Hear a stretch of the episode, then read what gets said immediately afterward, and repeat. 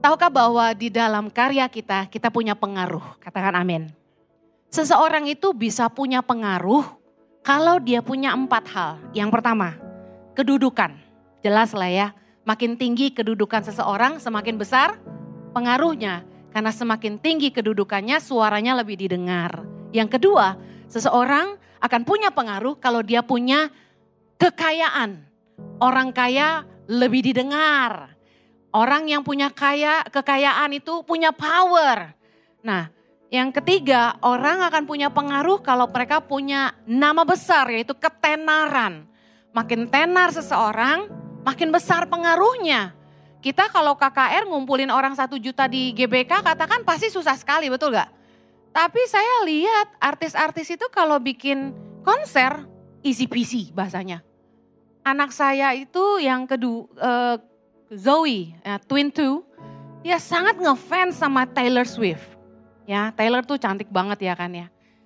Demen banget sama Taylor Swift. Dan dia pengen banget nonton konsernya, itu dapetinnya susah ternyata. Ya, dia bilang, Mami, boleh nggak saya nonton konsernya? Saya bilang harganya mahal juga loh. Uh, dia bilang, iya kalau konser begini ya, belum yang kepop-kepop gitu ya, mahal ya. Anak saya yang cowok mau nonton K-pop, mahal juga tuh tiketnya. Kemudian saya bilang gini, gereja yang gak pakai tarif aja ngumpulin orang susah. Ini yang bayarnya mahal penuh. Kemudian beli tiket itu ternyata mesti ngantri dari pagi-pagi. Ya, saya heran, giliran suruh ke gereja bangunnya susah ya. Giliran mau beli tiket Taylor Swift, dia bangun pagi-pagi tuh. Ya, dia ngantri gitu. Nah, saya lihat Orang itu kalau tenar, astaga. Taylor ngomong apa aja anak saya hafal. Kacau nggak tuh? Orang akan punya pengaruh yang keempat, kalau dia punya karya yang berdampak. Mungkin dia nggak kaya, dia bukan pejabat. Dia nggak tenar, tapi kalau dia punya karya yang berdampak, dia punya pengaruh. Anda mungkin bukan uh, pejabat, anda mungkin bukan orang yang kaya raya, Anda mungkin nggak tenar, tapi tahukah Anda dalam setiap karya Anda, Anda tuh punya pengaruh. Pastikan kita pakai pengaruh kita untuk kebajikan umat manusia dan untuk kemuliaan nama Tuhan. Yang setuju katakan amin. Jangan salah gunakan pengaruh yang Tuhan berikan dalam hidup kita Film Spider-Man bukannya yang bilang gini, great power comes with great responsibility. Dengan kepercayaan yang besar diikuti dengan tanggung jawab yang besar. Tadi saya katakan semakin tinggi kedudukan seseorang, bahkan gini, semakin besar kekayaan seseorang, semakin tenar seseorang, semakin besar tanggung jawabnya buat hidup banyak orang. Lukas 12 ayat 48b. Kita lihat sama-sama. Setiap orang yang kepadanya banyak diberi, daripadanya akan banyak dituntut. Dan kepada siapa yang banyak dipercayakan, daripadanya akan lebih banyak lagi dituntut. Tahukah Anda bahwa dengan pengaruh yang kita miliki, kita tuh bisa menginspirasi, bahkan bisa membuat orang-orang yang mengikuti kita orang-orang di bawah kita, keluarga kita, teman-teman kita, karyawan kita untuk melakukan apa yang kita katakan. Makanya seorang pengajar dituntut lebih. Karena orang bisa ngikutin apa yang dia ajarkan. Contohnya sederhana. Tiap kali saya tanya sama saudara, nih Ici udah 10 bulan, saya ajarin masih nggak lancar. Tiap kali saya tanya, apa kabar? Jawabnya selalu luar biasa. Itu siapa yang ngajarin? Coba, betul nggak? Kekuatan pemimpin dalam membrainwash orang itu luar biasa loh. Tiap kali orang Kristen di penghujung dunia mana pun, ya, selama saya khotbah keliling ya, dari Sabang sampai Merauke, dari Asia sampai Amerika, sampai Eropa, kalau ditanya apa kabar, jawabnya luar biasa. Siapa yang pertama kali ngajarin luar biasa itu saya nggak tahu. Tapi hebat loh pengaruhnya, sekedar kata luar biasa. Sederhana ya. Nah, makanya seorang worship leader tuh diikuti loh. Coba, nggak ada apa-apa, beri kemuliaan buat Tuhan. Semua langsung? Siapa yang ngajarin coba? Hebat loh pengaruh kita itu. Hati-hati dengan pengaruh Anda. Karena apa yang Anda katakan, apa yang Anda ajarkan diikuti oleh banyak orang. Berarti jangan senang dulu nih. Para, para influencers dan para atasan, para suami-suami yang diikuti istri dan anak-anaknya, dengar dulu. Jangan senang dulu Anda punya pengaruh. Firman Tuhan tadi katakan yang banyak dipercaya akan banyak dituntut. Tahukah Anda sebagai seseorang yang punya pengaruh, kita bertanggung jawab atas jiwa orang-orang yang mengikuti kita. Ibrani 13 ayat yang ke-17. Ayat ini sering dipakai oleh bos-bos untuk ngomong ke karyawannya. Nah saya mau ngomong ini buat para pemimpin. Ibrani 13 ayat 17 sama-sama. Taatilah pemimpin-pemimpinmu dan tunduklah kepada mereka. Sebab mereka berjaga-jaga atas jiwamu sebagai orang-orang yang harus bertanggung jawab atasnya. Sampai situ aja. Bawahan disuruh tunduk kepada pemimpin. Tapi lihat apa tugas pemimpin. Berjaga-jaga atas jiwa karyawannya atau followernya sebagai orang-orang yang harus bertanggung jawab atasnya. Dengar baik, sebagai atasan, sebagai seorang bos, sebagai seorang suami, apa pun jabatan Anda dalam hidup ini. Selama Anda punya pengikut, dikit maupun banyak, hati-hati karena pengaruh dan suara Anda itu didengar oleh orang-orang yang Anda pimpin. Kepemimpinan bicara tentang keteladanan ibarat kapal, pemimpin orang yang memberi pengaruh itu adalah nahkoda. Kapal itu mau ke kanan atau ke kiri tergantung nahkodanya.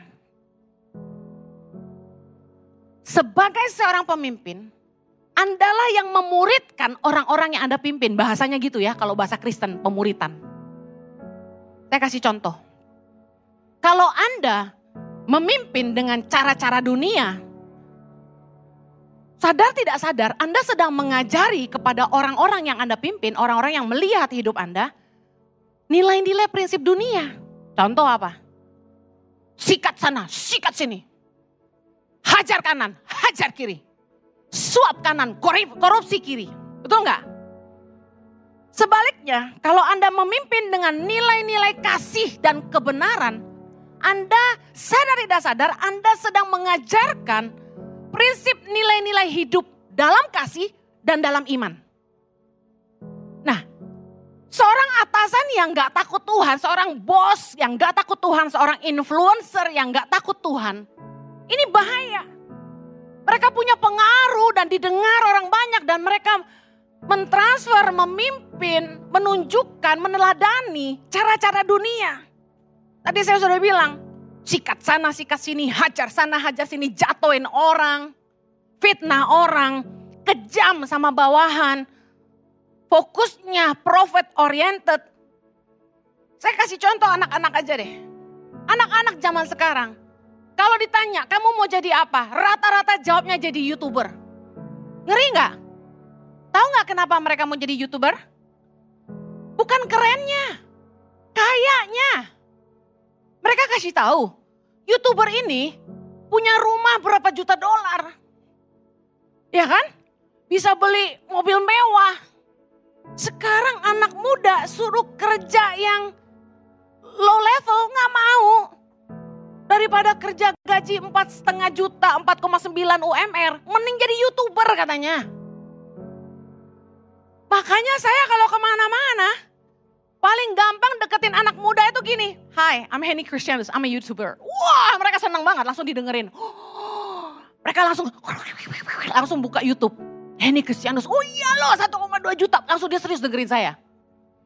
Kalau nggak pakai kata YouTuber, anak muda nggak mau dengerin.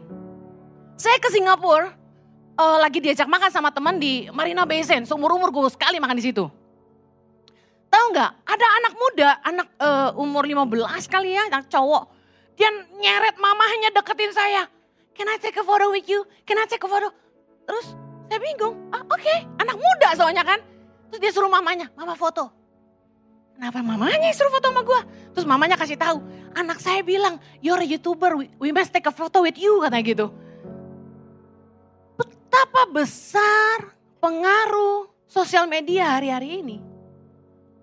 Hati-hati kalau Anda seorang influencer, omongan Anda tuh didengar loh. Kelakuan Anda ditiru loh. Bayangin gara-gara youtuber, banyak anak muda pengen jadi youtuber.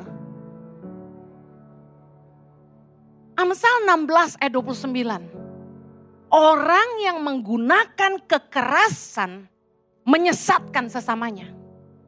Dan membawa dia di jalan yang tidak baik. Saya heran. Anak muda zaman sekarang baru-baru ini masuk TV.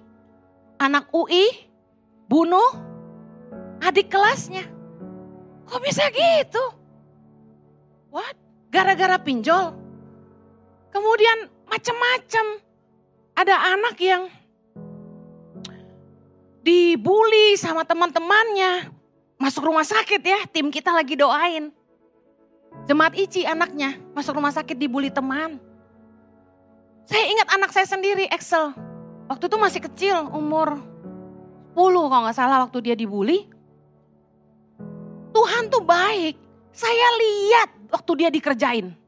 Untung ada saya, kan mamanya suka pergi pelayanan. Di depan mata saya, saya lihat gini. Di kamar mandi, Excel dipegang bajunya belakang ini, dihajar ke wastafel. Buk sama anak cowok. Temennya, temen main. Anak temen saya juga. Dihajar ke wastafel. Wastafel kan keramik kan. Ke dadanya. Dihajar anak saya. Wakal. Nah saya perhatikan. Anak ini sering bully Excel. Mamanya kerja, papanya kerja. Nah karena susah, nggak bisa bayar pengasuh. Jadi saya bantu. Titip deh di rumah saya. Dititip dari jam 7 pagi. Nggak tahu deh beneran kerja apa enggak ya kan. Jadi dititip sampai jam 11 malam. Saya baru dengar dari neni saya. Bahwa waktu anak saya masih kecil, dihajar habis-habisan sama anak ini. Anak saya Chloe yang perempuan di taekwondoin sampai wah geblek ke lantai gitu. Gawat gak tuh? Excel dicolok matanya. Jagoan banget nih anak. Lebih kecil dari Excel, kurus. Tapi jago banget berantemnya.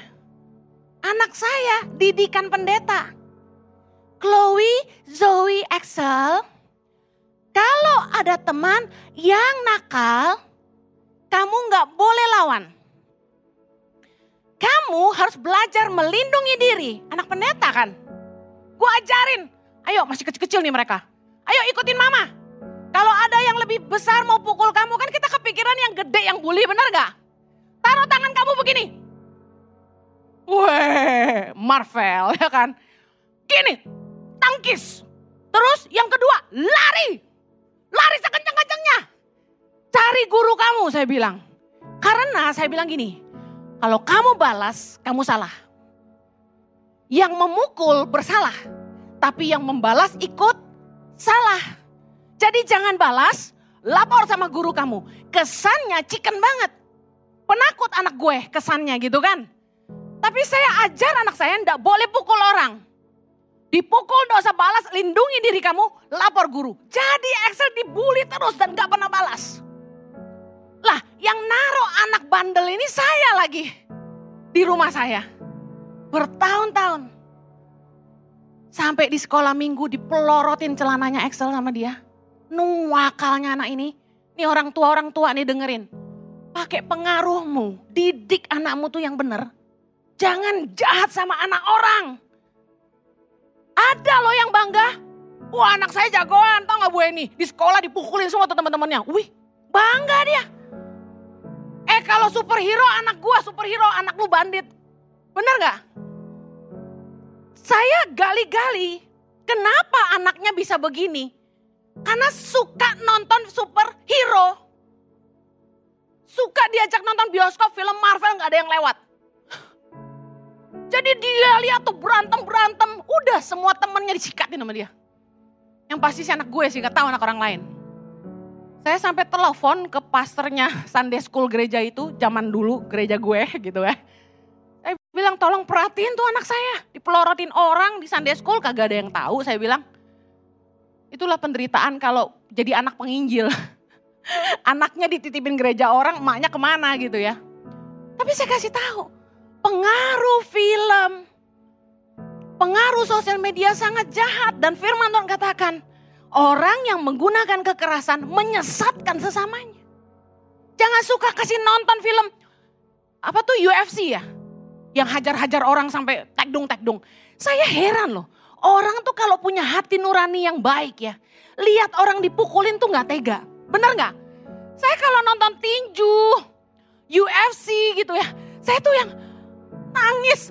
Tuhan demi ngidupin keluarga. Dia rela dipukulin begini. Ngerti gak sih? Kasihan.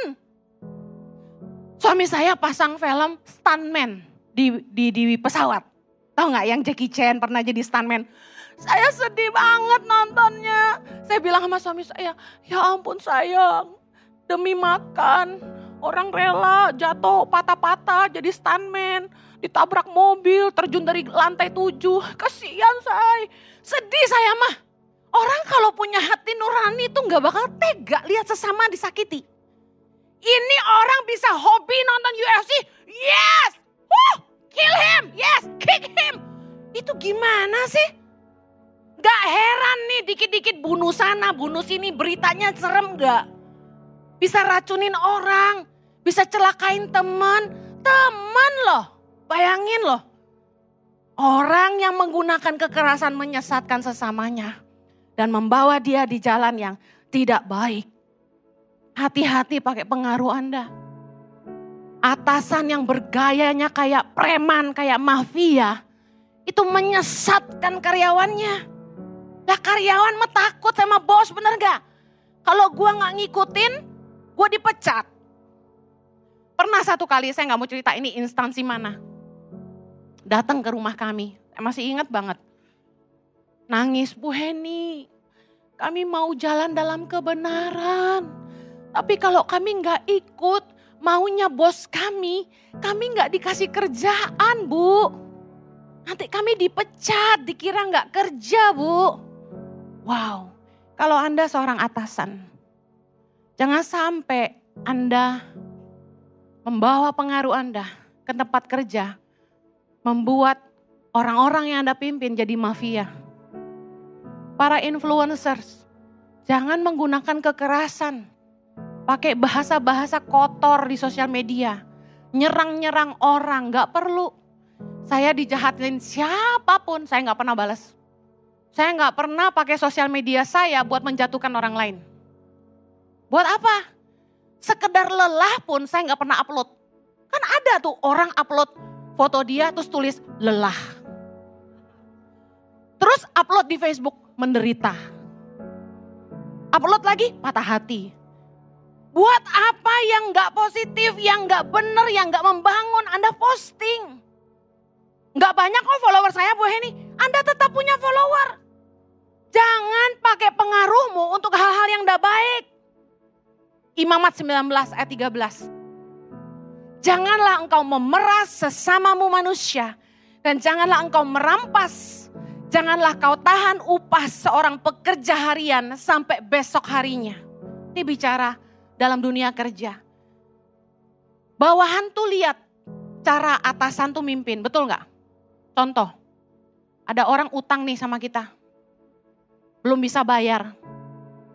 Mafia bosnya Gak takut Tuhan. Sikat. Ambil, dia punya apa? Sikat. Ajar gitu kan.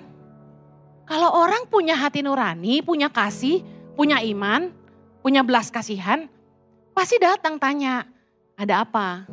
Apa yang kita bisa bantu? Ada orang yang utang sama kita. Karyawan deh ngutang sama yayasan gitu. Sampai dia punya kesusahan dalam hidupnya secara aturan main harus dipotong gajinya sekian tiap bulan selama setahun katakan. Tiba-tiba tiba dia bilang, Bu, saya ada masalah ini. Gak bisa bayar cicilan bulan ini. Kita nggak pakai, gak bisa. Harus bayar sesuai hukum. Kalau nggak kamu dihukum gitu. Enggak dong. Kita pendekatannya, approach kita, pendekatan kita harus dengan kasih dong. Harus dengan belas kasihan dong sama bawahan. Ada apa? Ada masalah apa kamu? Apa yang kita bisa bantu? Saya ngajarin staff saya ini. Selama kamu kerja sama saya, satu yang paling penting, jujur. Sekalipun kamu bikin salah, jujur. Dan saya bikin aturan di kantor. Tidak boleh berhutang di luar. Gak boleh. Kalau punya kesusahan, datang sama saya. Selama saya memimpin, tidak pernah staf susah tidak dibantu. Gak pernah.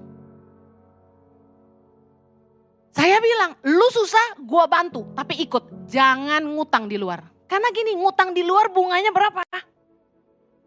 Kalau bukan staff jangan datang ke saya ya. Ini khusus staff.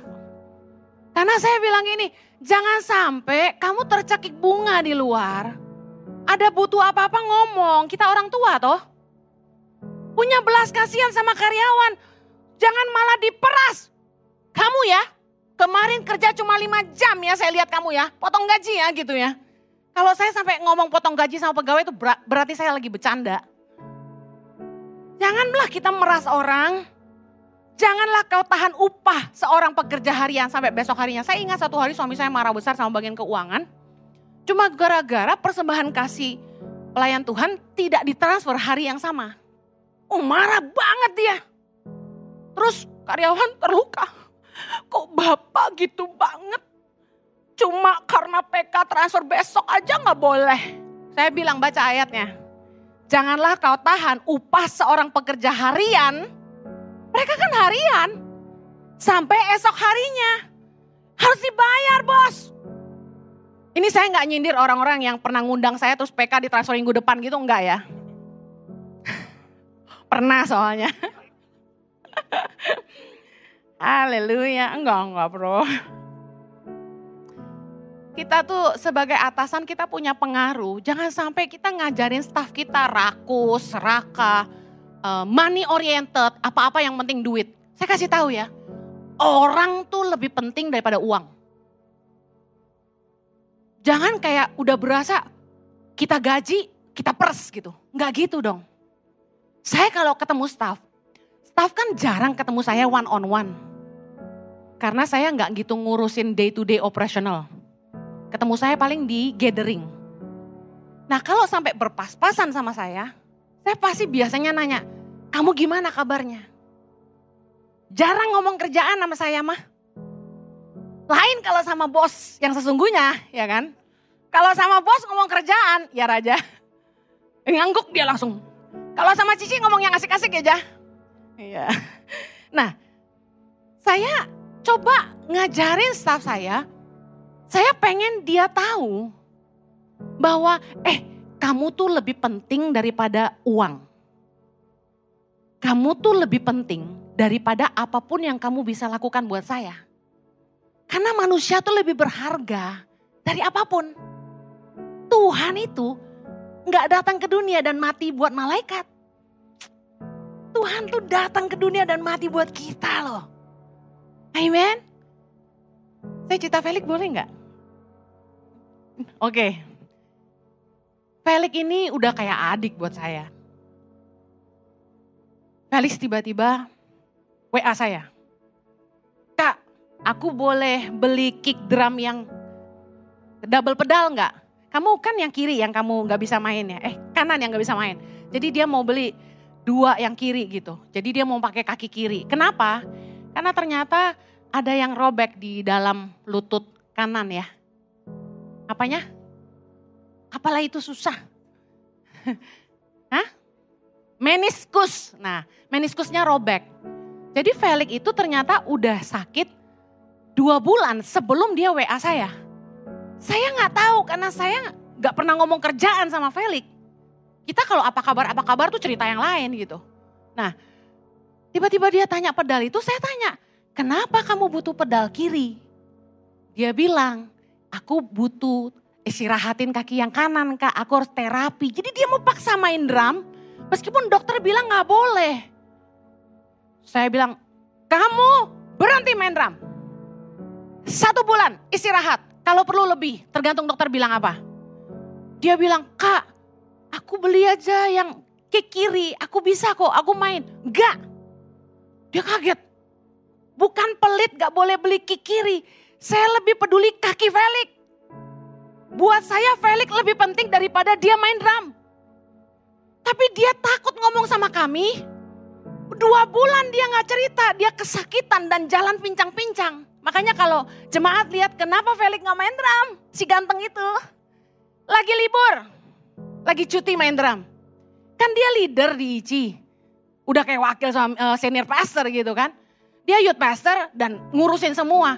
Saya bilang kerjaan kamu banyak, don't worry. Kerja yang duduk aja, jangan banyak jalan. Nah saya tahu Felix itu merasa nggak nyaman. Karena dia tahu, saya kan kerja. Main drum itu salah satunya kerjaan job desk dia gitu loh. Kalau dia nggak main drum berarti kurang dong kerjaannya gitu ya. Ngerti nggak pemikiran orang baik ini? Kan ada staff yang malah senang kalau kerjanya kurang ya kan. Kalau kita tanya dia selalu bilang apa? Saya sibuk. Padahal sok sibuk. Nah tapi Felix malah nggak mau kerjanya kurang. Jadi dia merasa nggak enak. Digaji kerjanya kurang nggak main drum gitu. Bahasa kasarnya. Tapi saya bilang sama Felix, kamu lebih penting buat kami daripada apa yang kamu bisa lakukan buat Ici. Iya dong. Kita lebih sayang Felix daripada dia main drum ya kan? Kita pengen Felix sehat. Saya berdoa Felix bisa normal lagi. Saya suka dia main drum, bukan saya nggak suka. Tapi saya lebih sayang Felix. Kalau dia nggak bisa main drum lagi pun sampai selama-lamanya, saya nggak akan pernah buang Felix dari hidup saya. Harusnya sebagai pemimpin, kita ngajarin nilai-nilai iman dan kasih sama bawahan kita. Karena kita punya pengaruh buat bawa hidup orang yang kita pimpin untuk ngerti kebenaran. Tapi kalau Anda seorang mafia, kalau Anda seorang preman mentalnya gitu. Kalau gua lebih suka punya bawahan yang siap melakukan apa saja untuk gua sekalipun harus menghalalkan segala cara kan gitu misalnya, ya kan? Hati-hati. Anda lagi ngajarin nilai-nilai dunia sama orang-orang Anda. Orang yang memelihara serigala suatu hari pasti akan diterkam juga. Ini istilah saya.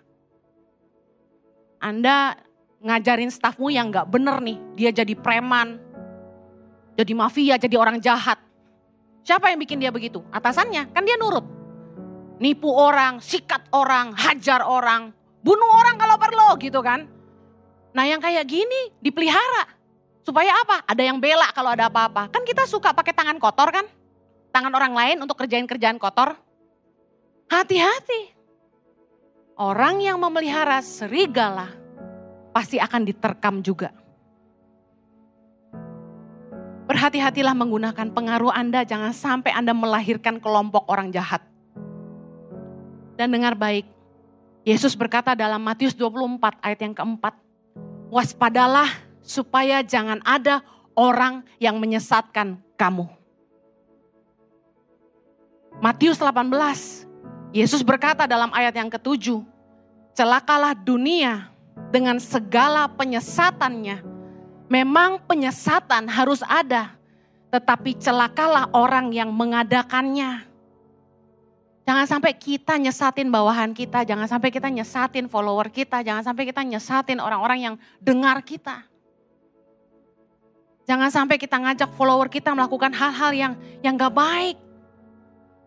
Karena kita akan merusak hidup mereka. Mari jadi influencer, atasan, orang-orang yang takut Tuhan. Sehingga kita memimpin orang-orang yang ikut kita, yang dengar kita ke jalan kebenaran. Saya mau akhiri dengan dua contoh. Tahukah sadarkah Anda bahwa di dalam karya Anda, di dunia kerja Anda masing-masing maupun Anda di rumah maupun di sosial media, Anda punya pengaruh untuk menanamkan nilai-nilai kebenaran. Amsal 16 ayat 8. Lebih baik penghasilan sedikit disertai kebenaran daripada penghasilan banyak tanpa keadilan. Kita harus ngajarin orang-orang di bawah kita. Jangan cuma mikirin cuan. Harus jalan dalam kebenaran. Amen. Janganlah menghalalkan segala cara. Saya punya staff yang kayaknya dulu dia biasa kerja ikut bos yang apa-apa tuh suap, suap, suap, suap gitu loh. Atau dia kerja ikut saya, dia modalnya gitu tuh. Bu, aman, saya bayar. Bayar apa loh? Saya bilang. Jangan, saya bilang. Dengar ya, saya bilang. Selama kamu kerja di Yayasan Tangan Pengharapan, jalan dalam kebenaran. Bayar yang harus dibayar. Jangan tilep-tilep. Saya mau jalan kita lurus. Apa yang gak benar harus dibenerin, saya bilang. Saya nggak mau besok-besok ketemu bangke di dalam kita, nggak boleh. Saya sering tegur suami saya ketika misalnya belanja gitu, minta diskon sama temen. Saya bukannya sok kaya, tapi saya bilang gini, kita tuh kalau beli barang sama temen, jangan minta diskon. Kesempatan kita bisa berkatin temen, itu waktu kita beli barang dari dia. Sebagai teman, kita juga jangan jual barang mahal-mahal sama teman kita. Kesempatan kita jadi berkat juga buat dia. Terus, kalau Anda belanja sama tukang sayur, sama sama pedagang-pedagang kecil, jangan nawar bos. Apalagi ibu-ibu nih, beli cabai aja nawar. Anda makan di restoran mewah, Anda kasih tips berapa? Goban, cepeceng, bener nggak? Kalau saya yang makan di situ, Goban, goban, goban. Tiga waitress yang ngelayanin. Kalau perlu cepeceng, cepeceng, cepeceng. Kenapa? Bukan sok kaya. Itu kesempatan kita memberkati orang susah. Anda belanja sama tukang sayur, udah lima ribu nawar lagi. Udah jangan nawar. Anda dipanggil untuk jadi berkat. Katakan saya dipanggil jadi berkat. Anda mau nanamin nilai kebenaran enggak? Kasih lihat membantumu. Inilah jalan kebenaran.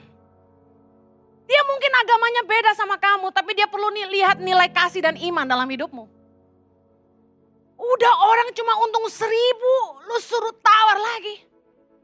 Itu supir pembantu pas udah geleng-geleng, mobilnya Alphard berjejer nawar lagi. Malu tau gak sih? Anda bayar juta-juta di restoran berani sama tukang sayur beli pepaya aja lu nawar. Awas aja jemaat Ici kayak gitu ya. Punya mentalitas jadi berkat. Anda mau jadi berkat gak buat orang susah? Itu ya tukang sampah, pernah kasih minum gak? Lewat di depan rumahmu ngangkutin sampah. Anda pernah berasa gak tukang sampah waktu cuti lebaran itu belatung banyak di tong sampah? Kalau dia gak cuti, itu kasih nasi, kasih minum, oleh-oleh dari Hong Kong tuh kasih dia. Berkati. Dulu saya baru pulang dari Australia, saya nggak ngerti. Saya kesian lihat tukang sampah, pakai sendal jepit, jarinya sampai kukunya hitam semua, dekil, pakai celana pendek, pakai tangan pungutin sampah. Saya sedih. Saya beliin perlengkapan. Saya beliin sepatu boot, saya beliin sarung tangan. Saya bilang, mas pakai ini ya, supaya jangan jadi penyakit. Dia bengong lihat saya. Gak dipakai sama dia. Bu, susah bu ngangkat sampahnya, dia bilang. Tapi saya percaya gini, 1 Korintus 10 ayat 24. Jangan seorang pun yang mencari keuntungannya sendiri, tapi hendaklah tiap-tiap orang mencari keuntungan orang lain. Kalau Anda jualan, jangan jual barang yang merusak kesehatan orang. Kesehatan tuh paling mahal. Anda jangan jual produk yang ngeracunin rakyat. Kalau Anda tahu bahwa perkataanmu tuh didengar, orang percaya sama kamu, hati-hati dalam merekomendasikan atau promosi sesuatu. Dengar nih para influencer yang suka terima endorsement. Jangan karena semata demi uang, demi keuntungan, Anda ngeracunin orang. Saya di endorse berapa kali untuk uh, apa itu produk kecantikan di endorse sama uh, klinik-klinik kecantikan. Bu Heni bisa nggak di endorse, rate-nya berapa? Saya nggak mau. Karena saya nggak tahu. Bener nggak tuh dia nyuntikinnya bukan air hujan? Bener nggak?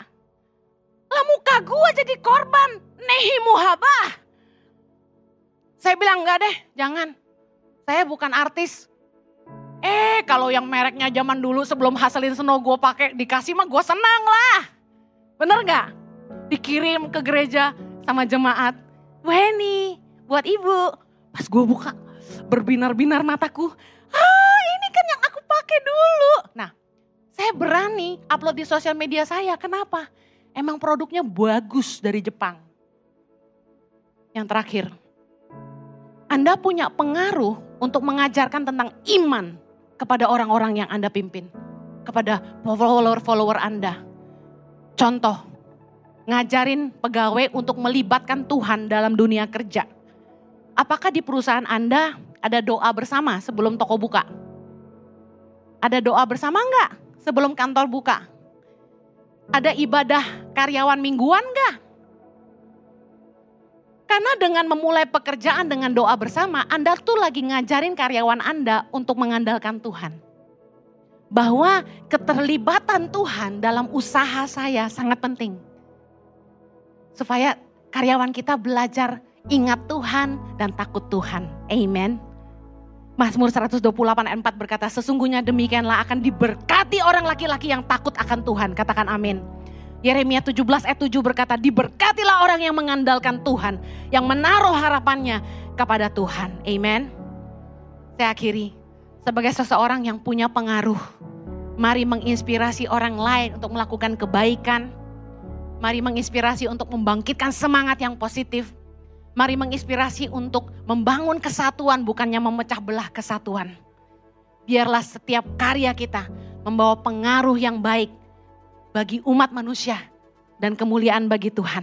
Amen. Yang mau katakan amin.